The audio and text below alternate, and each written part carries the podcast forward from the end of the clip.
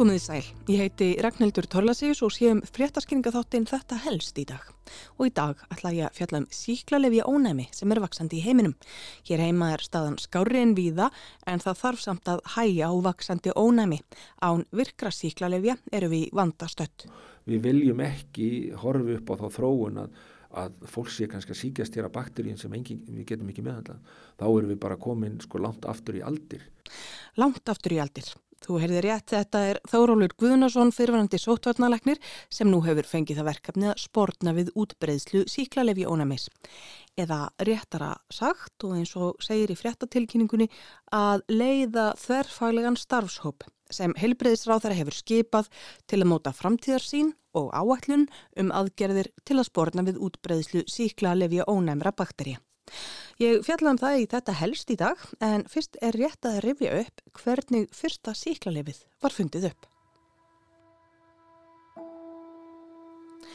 Öldum saman hafði verið reynt að kljást við bakteríusíkingar með allskynns aðferðum, skottulækningum myndi við núna segja, með því að draga sjúklingum blóð, stundum með því að bera hunangi í sár, jafnvel smá skeinur, gáttu dreyð fólk til dauða. Svo ekki sé minnst á síkingar í sárum sem menn hlutu í hernaði.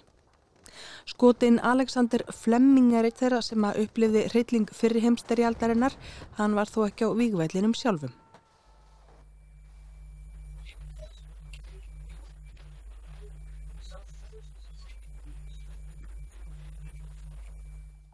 Þetta var Alexander Fleming sem fann upp pensilinið árið 1928 áratug eftir að fyrra stríði laug og fyrir hálfgerða slisni er stundum sagt. Það er ekki alveg svo einfalt. Sagan af því þegar að Fleming uppgötaði pensilinið er dálítið á reiki, hún hefur orðið yfir sér dálítið þjóðsagnakendan blæ en svo stundum vil verða með góðar sögur. Flemming læriði til læknis og sér hefði sig í síklafræðum á St. Mary's sjúkrahúsinu í London. Hann starfaði framann af sem aðstóðarmaður Almond Wright sem var yfir bólusetningunum þar og þróaði mörg bóluefni. Í fyrri heimstyrjöldinni störfuðu þeir nálagt vígvætlinum í Fraklandi þar sem að þeir gerðu sitt besta til að græða sár breskra hermana. Þúsundir sára sem að greri í.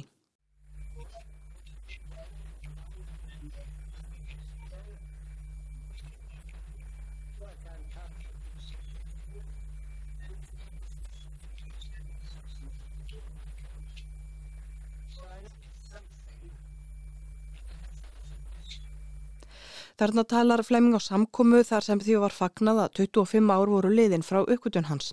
Hann hvaðast vera stoltur af starfi sínu við Vígvöldlinn og á rannsóknastofunum í London eftir stríð. Þetta hafi líka vakið sérstakann áhuga hans á efnum sem drepið gætu örverur. Það hafi kannski verið þess vegna sem hann tók eftir því sem að aðurir hefði mögulega ekki séð. Af hverju orðar hann þetta svona? Jú, af því þetta var hálfgert slís og kemur til vegna þess að Flemming tekir hafi verið sóði eða í það minsta slóði á rannsóknastofinni.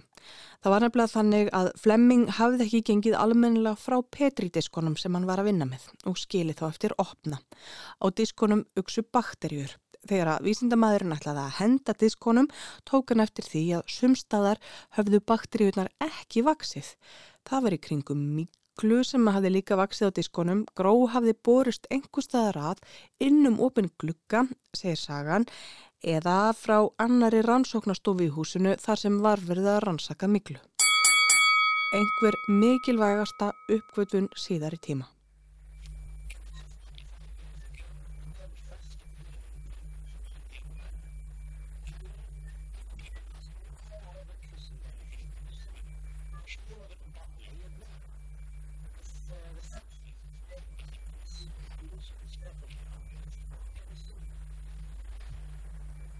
Þarna mátti heyra Flemming útskýra heitið á lifinu. Þó að hljóðið sé lélegt og talandin sérkennilegur þekkjum við flest árið pensilín. Hann valdi það heiti vegna þess að miklusveppinir sem búa efnið til heita penicillium. En þó að þetta hafi verið einhver mikilvægasta uppgötun síðari tíma áttaði sig engin á því alveg strax. Flemming hafði í raun ekki mjög mikla trú á þessu pensilíni. Það var óstöðugt og hann taldi erfitt að búa til úr því lif. Hann gerði aðeins tilrauninu með pensilíni en eins og með halvum huga hann bjóð til segði úr miklunni. Eitt samstarfsmaður hans á St. Mary spítalanum fegst til að innbyrða efnið við hálsbolgu og síðar til að setja það upp í nefið á sér en þetta hafði lítið að segja. Flemming reyndist erfitt að vinna frekar með efnið og aðrir vísindamenn síndu því heldur ekki mikinn áhuga. Flemming þótti líka að var lélugur fyrirlesari og var óduglegur að byrta greinar upp úr rannsóknum sínum eftir því sem að framkemur í þættinum In Our Time og BBC þar sem fjallað er um pensilín og uppgötun þess. En efnið vakti sér satt ekki mikla aðtikli í upphafi. En svo kom setnastrýð og aftur jógst þörfin á lefi til að berjast við síkla. Tveir livjafræðingar við Oxford Háskólan, Ástralin Howard Florey og Ernst Chain, þýskur gýðingur sem flúð hafði heimalandið, höfðu upp á rannsóknum Flemmings og gáttu unnið úr pensilinni brúglegt liv sem prófað var á sjúklingi árið 1941.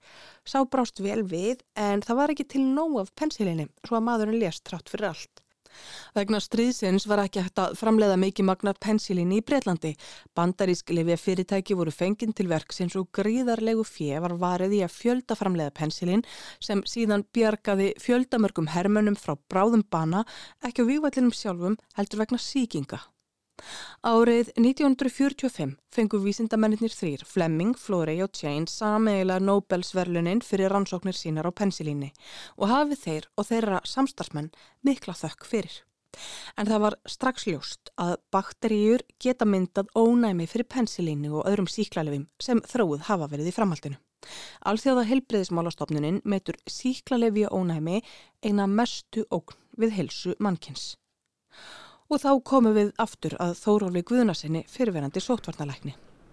Lesu, gerði svo vel.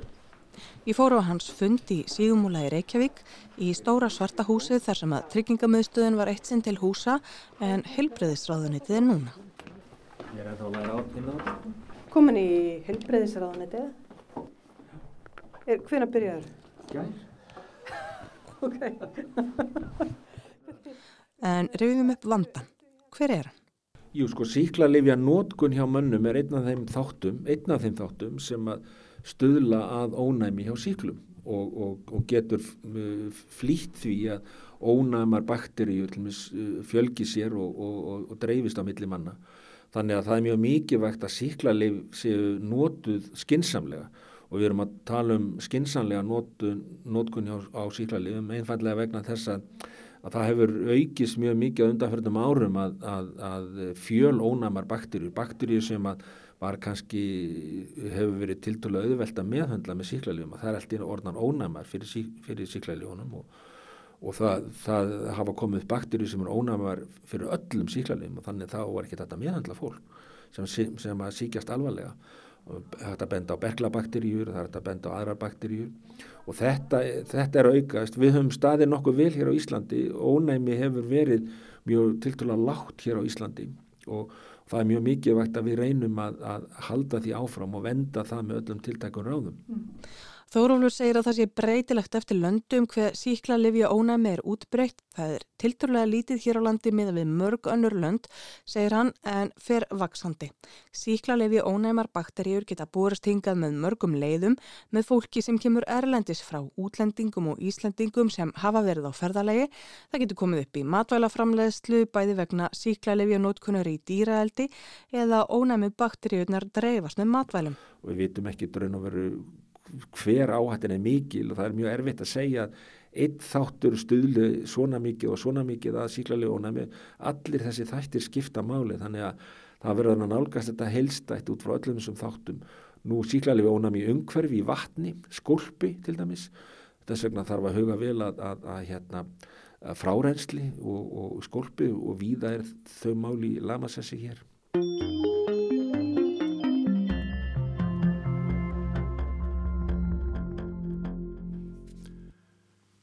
Fjórðungur landsmanna býr ekki við skólprensun þar og þar sem hennar nýtur við eru vísbendingar um að hún uppfylli ekki kröfur sem gerðar eru. Þetta kemur fram í nýri skýrslu um hverfistofnunar. Þetta er frétt frá 2017 og þá eru leiðin 12 ár frá því að öll þjertbílisvæði áttu að vera komin með fullnægandi skólprensun. Lítið hefur gerst í þessum málum síðan þá nema helst að Akureyra-bær er komin með hreinsistöð. Þetta er sem sagt eitt af málunum sem þarf að ganga í. En Þórólu segir að hér heima hafi ekki komið upp alvarlega síkingar hjá fólki þar sem að bakteríunar eru ónæmar fyrir öllum síklarlefjum. Það, það hefur gerst ellendis og það er fjöl ónæmar bakteríu hafa fundist hér. E, það eru oftast, oft er að það finnast að þá er það ekki að valda síkingum, það finnast kannski bara við rútínu ræktun og saur eða einhverju slíku en það geta valdið síkingum og þá verða það mjög erfiðar í, í meðhandlun og við viljum ekki horfi upp á þá þróun að, að fólk sé kannski að síkjast hér að bakteríun sem engin, við getum ekki meðhandlað. Þá erum við bara komin sko langt aftur í aldir og vegna þess að við erum ekki að horfa upp á það að, að, að þessi ný síklarleif að koma á markaðin. Eh, það hefur lítið verið að gerast í því á undanförnum árum. Þannig að þess vegna verðum við að, að venda þau síklarleif sem við höfum núna. Þannig að við getum haldið áfram að nota þau því að síklarleif er, er einn bestu lif sem að sem að til eru og hafa bjarga alveg gríðarlega fjölda fólks uh, úr alvarlegum veikindum og við þurfum að, að halda áfram að, geta bóðað upp á það. Slegið hefur verið á að pensilin 1 hafi á þeim 80 árum sem liðin eru frá því að byrja að vera að nota það bjargað lífi 200 miljóna, hvernig sem það nú reknað út. En staðrendin er svo að án síklarlefja væri meðferð við krabbameinum og ímsum öðrum alvarlegum sjúkdómum allt önnur og erfiðari. Já, þetta eru sko til dæla margar bakterjur sem, sem hafa, hafa verið að öðlast svona ónæmi og það eru bakterjur sem að geta valdið alls konar síkingum eins og stafilokokkar svo kallaðir sem geta valdið síkingu í húð, geta valdið síkingu í beinum og, og, og innri lífærum svo eru að tala um svona ákveðna tegundir af, af, af eðrabakterjum svo kallaða sem að, sem að oft valdi ekki síkingum en geta gert það, þvakkfæri síkingum og og, og, og blóðsíkingum og öðru slíku. Þannig að það eru marga baktir sem getur valdi margskonar síkingum svo erum við að tala um bergla til dæmis sem eru við á orðin mjög ónæmir fyrir, fyrir síklarlöfum við hefum sloppið við það blessunarlega mestuleiti hér. E, nú það eru aðra bakterjur sem að valda til dæmis lúnabólgum og blóðsíkingum hjá börnum og eirnabólgum sem er bólusett gegn en, en eh, það hefur verið svona tiltöla hátt ónæmi gegn penisilíni sem er aða lifi sem hefur verið notað í slíkun tilfellum. Þannig að þetta er svona hægfara þróun sem við erum að sjá og það er mjög auðvelt að sopna á verðinum og að þetta gerist svo hægt, þetta er ekki hvernig gerist eh, eins og, eins og COVID eða e-, einhver holskefla sem kemur allt í nýðverð, þetta gerist hægt og bítandi það er auðvelt að láta taka sér í bólunum með þetta ef við, ef við stöndum okkur ekki vel. Það er ekki verið að finna fleiri og framleiða. Livjafyrirtækin hafa meiri áhuga á öðrum arðbærari livjum. Síklarliv virkar svo hratt, það er fyrir hafkamur að framleiða liv sem fólk þarf að taka og kaupa alla æfi. Þórólur talar um að vandin sé fjölþættur. Það eru fjölmarki þættir sem, að, sem að eru áhætti þættir fyrir ónæmi síkla Eh, það er, og þess vegna er nálgunin svo að, að nálgast þetta svona undir hatti einnar hilsuða One Health eins og það, það þýðir það að, að við þurfum að huga mönnum, síkla lifanótkun hjá mönnum og, og öðrum þáttum hjá mönnum, við þurfum að huga þáttum hjá dýrum, í matvælaframleyslu til dæmis, í umhverfi. Uh, og svo mætti lengi telja, þannig að það eru mjög margir þættir sem eru þarna undir Það er það sem að þessi hópur er að fara að fjalla um og, komið tilugur um raunhafar aðgerði, hvað getur við gert og hvernig er þetta að forgangsraða aðgerðum? Því þetta er mikið mál og nú er komin tími til að gera eitthvað, tími umræðina og bollalegginga er liðin, við vitum í hverju vandin liggur uh, og við þurfum nú bara að fara að gera eitthvað sagði Þórólur Guðunarsson fyrirverandi sóttvarnalæknir sem nú fer fyrir hópi fólks sem á að finna leiðir til að spórna við vaksandi síklarlefi ónæmi. Ég heiti Ragnhildur Torlasíus og ég fjallaði um síklarlefi ónæmi og hvernig fyrsta síklarlefið, pensilinn, það fundiðu upp í þetta helst í dag.